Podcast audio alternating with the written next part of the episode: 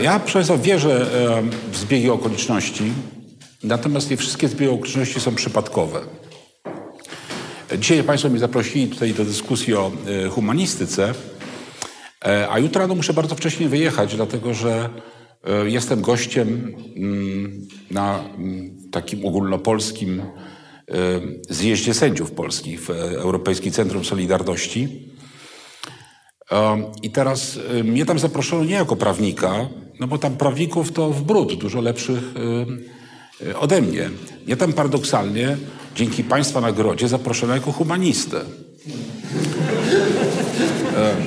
No i mam tam, no i teraz ja się czuję, tak sobie pomyślałem o tej funkcji, którą pani profesor Gierzyńska przytoczyła za panią profesor Ewą Tomańską, o funkcji ratowniczej humanistyki. Prawdopodobnie jestem w takiej roli zaproszony. No i teraz powstaje takie pytanie, czy, mm, czy, czy, czy ci sędziowie potrzebują humanistyki, w ogóle czy prawnicy, czy prawoznawstwo, czy nauki prawne e, potrzebują tej humanistyki mm, dlatego, że e, są w kryzysie, stali się przedmiotem ataku, e, czy też potrzebują tej humanistyki, bo są sami sobie winni, ponieważ zapomnieli o humanistycznym wymiarze prawoznawstwa.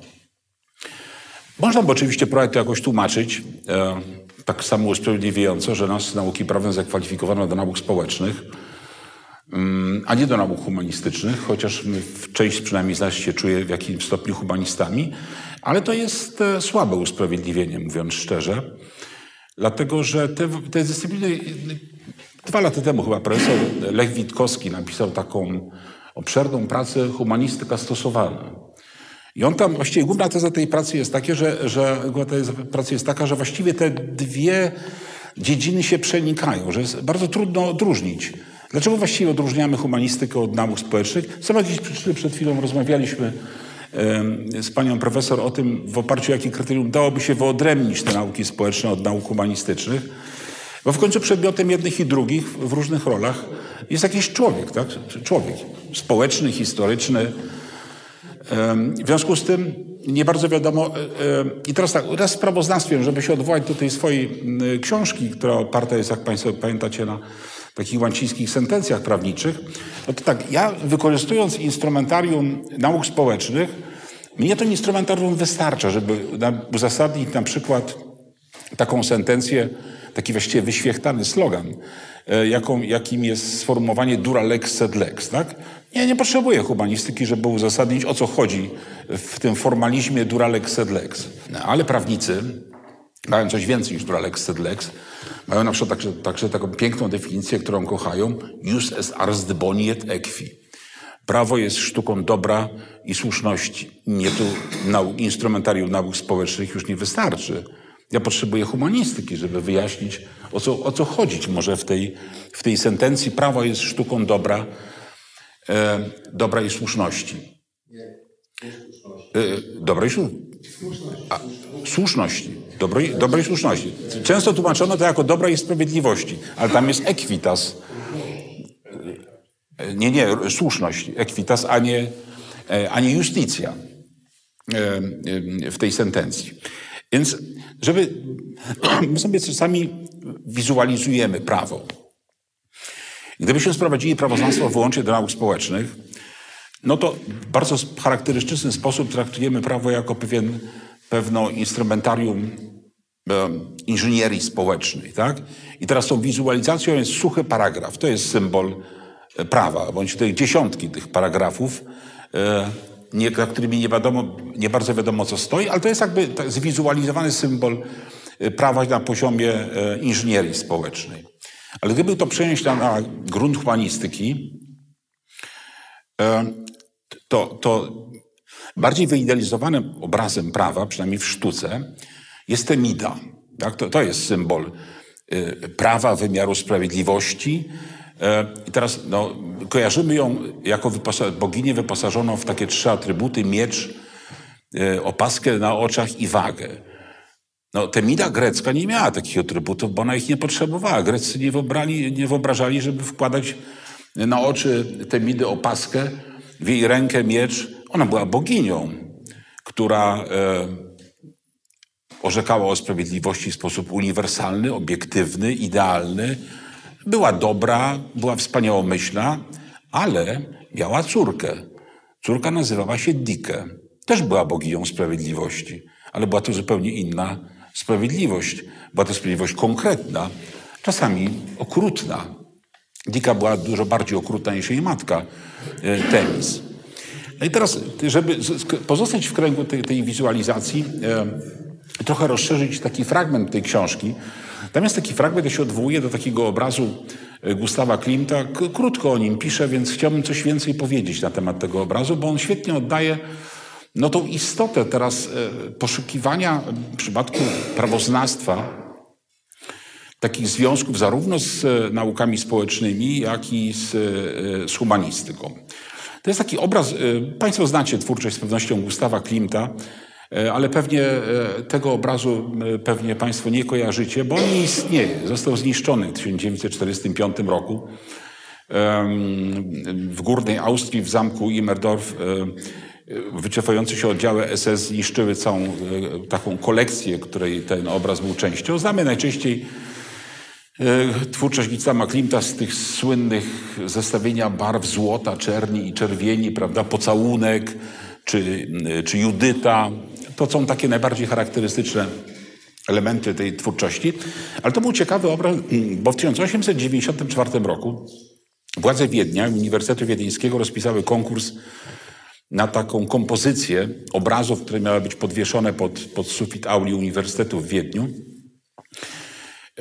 I idea była taka, żeby zobrazować zarówno ideę uniwersytetu, to miał być ten środkowy część tej kompozycji, jak i cztery podstawowe fakultety, czyli medycynę, filozofię, teologię i prawoznawstwo, czyli po niemiecku jurisprudenz.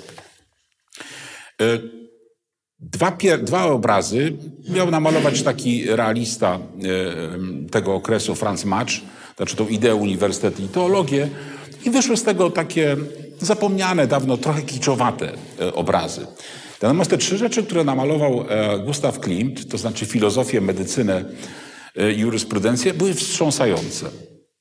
Ale jest ciekawa historia. Na początku powstała medycyna i filozofia i wywołały taki skandal w Wiedniu tego okresu, bo Klimt przedstawił jakąś mroczną wizję, zarówno filozofii, jednostka uwikłana w spojrzenie demiurga. Jeszcze bardziej kontrowersyjna była medycyna, ponieważ pokazane były losy człowieka od narodzin aż do, przez życie aż do śmierci, a bogini Higea, bogini medycyny, stoi odwrócona plecami do tego, co się tam z tyłu za nią, za nią dzieje. Żaden z tych obrazów nie przetrwał. Jak powiedziałem, wszystkie zostały spalone, z wyjątkiem fragmentu medycyny. Przetrwała ta słynna bogini Higea kolorowa, natomiast cała reszta zachowała się tylko w czarno-białych fotografiach. Ciekawe jest to, że jak spotkały się te dwa pierwsze obrazy Klimta z krytyką taką zdecydowaną, druzgocącą krytyką, on się żachnął e, i zmienił swoją pierwotną wizję prawoznawstwa. Pierwotna wizja prawoznawstwa była taka tradycyjna. Namalował taką świetlistą postać kobiecą, czarnowłosą, wprawdzie bez opaski i bez wagi, ale z mieczem w dłoni. Ale ona była taka promienista, taka, taka majestetyczna, taka optymistyczna. I kiedy spotkał się te jego obrazy z taką krytyką, zmienił, mm, zmienił, zmienił całkowicie koncepcję. No, obraz wstrząsający. Zaraz go pokrótce opiszę.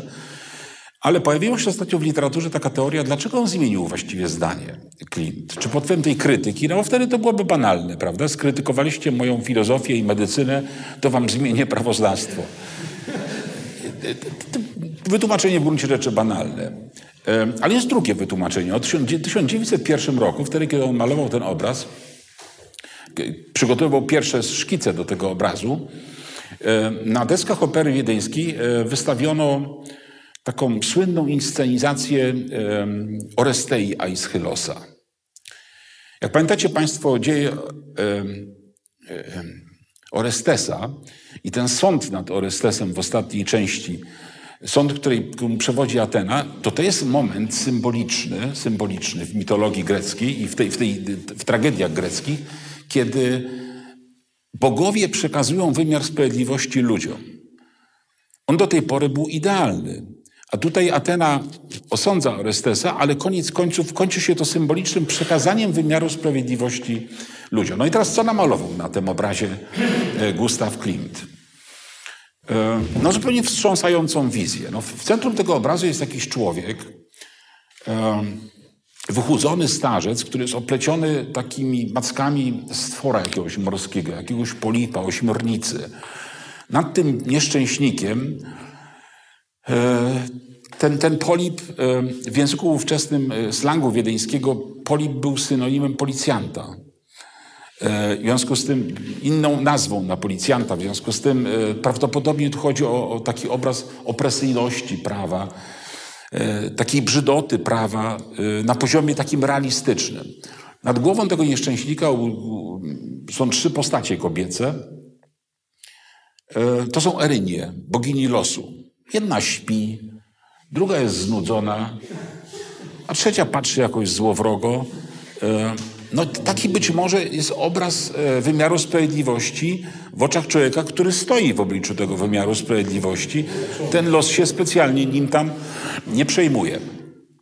Ale jest pewien moment humanistyczny w tym obrazie, bo ten jest taki realistyczny, tak? taki socjologiczny, taki, taki no, z zakresu nauk społecznych. E, u góry tego obrazu są, pojawiają się jednak te trzy boginie.